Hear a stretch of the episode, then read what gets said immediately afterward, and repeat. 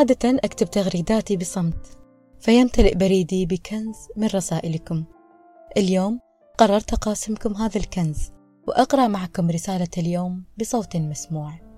هنا أسمى الجغافي في حلقة ثانية من بودكاست بريد أسمى حلقة اليوم بعنوان الطريق إلى الحياة.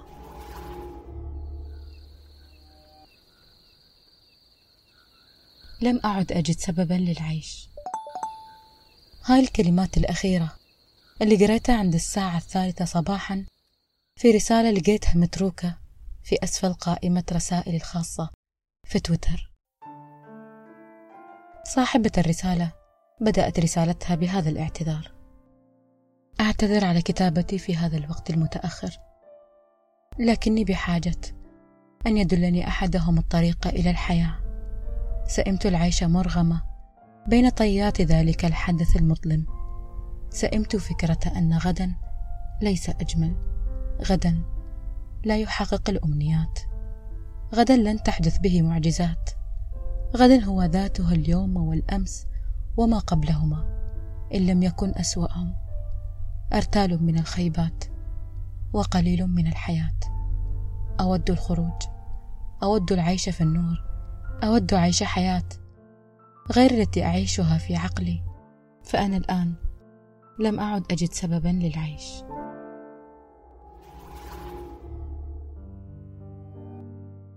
اليوم نحن في مواجهة تحديات كبيرة أكثر من أي وقت مضى. اليوم نحن في مواجهة حياة. حياة ما تمشي على خط مستقيم ولا تخضع لقوانين الخطط والتنظيم. مهما قمنا باتخاذ كافة احتياطات السلامة وربطنا الأحزمة جيدا. لابد أن تواجهنا منعطفات حادة. تفوق قدرتنا على التجاوز. تفوق قدرتنا حتى على الاستيعاب. منعطفات قاسية. من قسوتها يخيل لنا أن الزمن توقف عندها. أو هذا اللي مفروض يصير. لكن في المقابل واللي فعلا يصير أن الجميع لا زال يعيش حياته بشكل جدا طبيعي. الجميع وحتى من هم على السوشيال ميديا. هنا من يحتفل بعيد ميلاده وهنا من يوثق لحظة إنجازه. والآخر في بث يناقش بحمية مدافعا عن قضية. لكن ماذا عن قضيتي؟ ماذا عن مصاب اللي شل أطرافي وزعزع أماني؟ أنا عالق اليوم هنا بلا حركة بلا لون وبلا حياة. مجرد وقت يمر يأخذ من روحي ومحسوب من عمري. الجميع يتحرك للأمام. إلا أنا عالق في مكاني في عقلي وبين أفكاري. نحوم في هذه الدوامة. دوامة اللا حياة. في مكاني في عقلي مع أفكاري. نحوم جميعا في دوامة اللا حياة. كلماتها في الرسالة. أحيت فيني كل هذه المشاعر. وشبت في عقلي نوع من تساؤلات. ستظل مشتعلة حتى أحصل على إجابات. كلماتها كان لها واقع كبير على نفسي. ألمتني ولمست جرح قديم في داخلي. ما أعرف إن كان جرح واحد أو جروح لكنها التأمت من زمان من سنين طوال. أو هذا ما اعتقدته على أي حال. صاحبة الرسالة نبشت بكلماتها عن مرحلة سابقة في عمري. عشت في هذا الشعور. وعشت هذا الانطفاء. بدأت أدون كل ما يتقافز في عقلي بعشوائية. دونت كل فكرة وكل ذكرى حتى صور معاركي التي تزاحمت في عقلي. معارك اللي خضتها وحدي.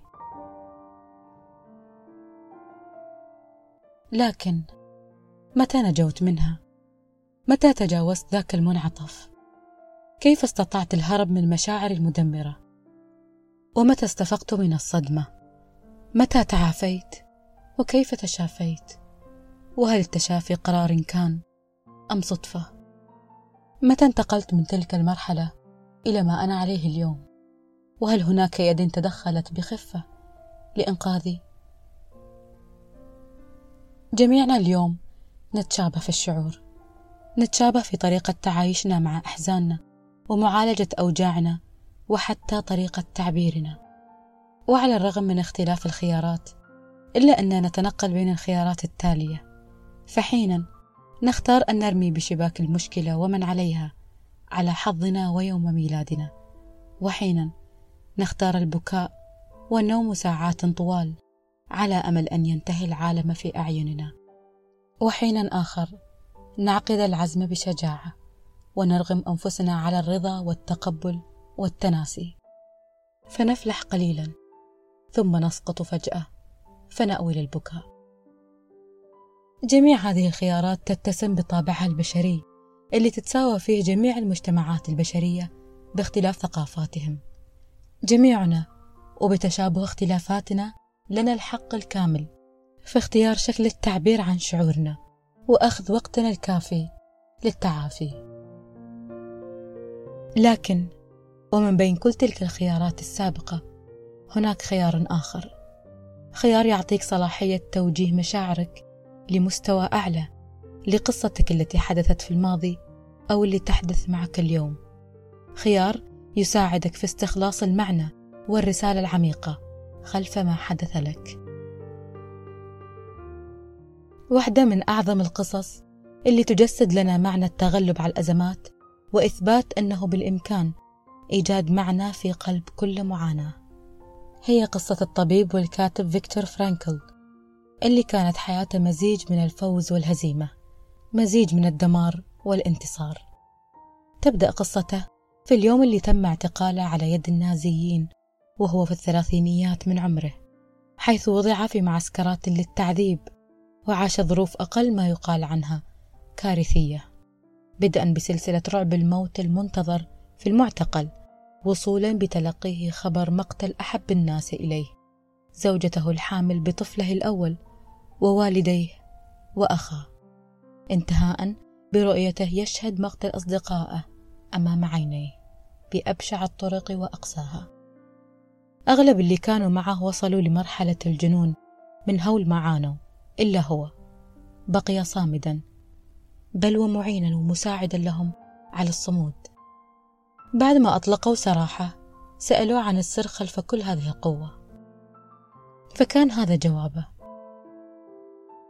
في كل يوم وكل ساعة لدي فرصة لاتخاذ القرار. القرار اللي وحده يحدد إن كنت أنوي الخضوع للقوى الخارجية وأصبح لعبة في يد الظروف أو أحافظ على حريتي وسلامي الداخلي. دائما بيد القرار. فرانكل اللي آمن بوجود معنى خلف كل معاناة دون خبرته وتجربته اللي عاشها أثناء المعتقل وطورها وأنشأ مدرسة في علم النفس تسمى العلاج بالمعنى أو مدرسة فيينا الثالثة للعلاج النفسي. هذه المدرسة هدفها مساعدة البشر على إيجاد هدف وغاية في حياتهم رغم المعاناة.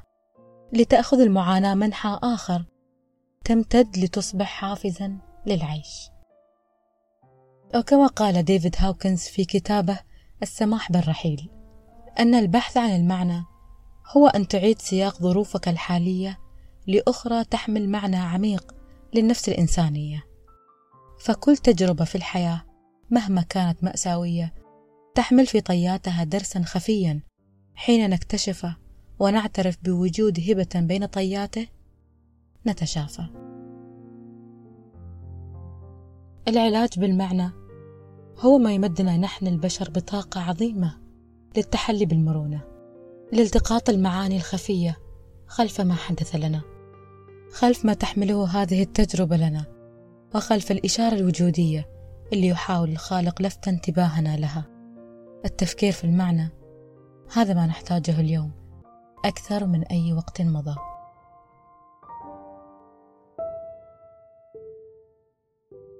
لست وحدك. جميعنا عايشنا تلك التجربة اللي هزت حياتنا وغيرت نظرتنا تجاه كل ما كنا نؤمن به تجاه أنفسنا تجاه عائلتنا أصدقائنا وحتى مستقبلنا.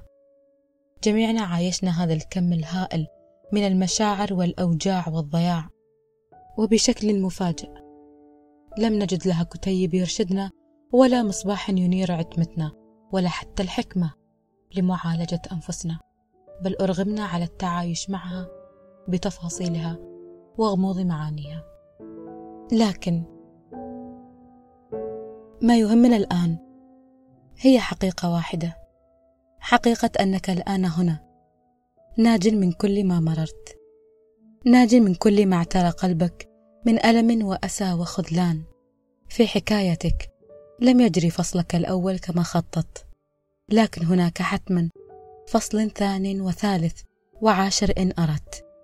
انتهى فصلك الأول بكل ما يحمل من عثرات وأسى وخيبات مخلفا وراءه بعض الندبات التي تعلن للحياة وبلا سابق إنذار. خبر نجاتك. أنت الآن هنا ناج ونحن هنا نبارك لك بدء حكايتك الجديدة بفصولها السعيدة. بدءا من الآن. ستحدد أنت عنوانها شكل تفاصيلها وأحداثها. أنت وأن تأخرت في الوصول. فلا زال أمامك الوقت لإيجاد المعنى الأسمى لحياتك والعثور أيضا على طوق نجاتك. فأنت وحدك من يدرك عمق الشعور وسيعرف حتما طريق العبور. كانت هنا أسمى الجغافي في حفظ الله.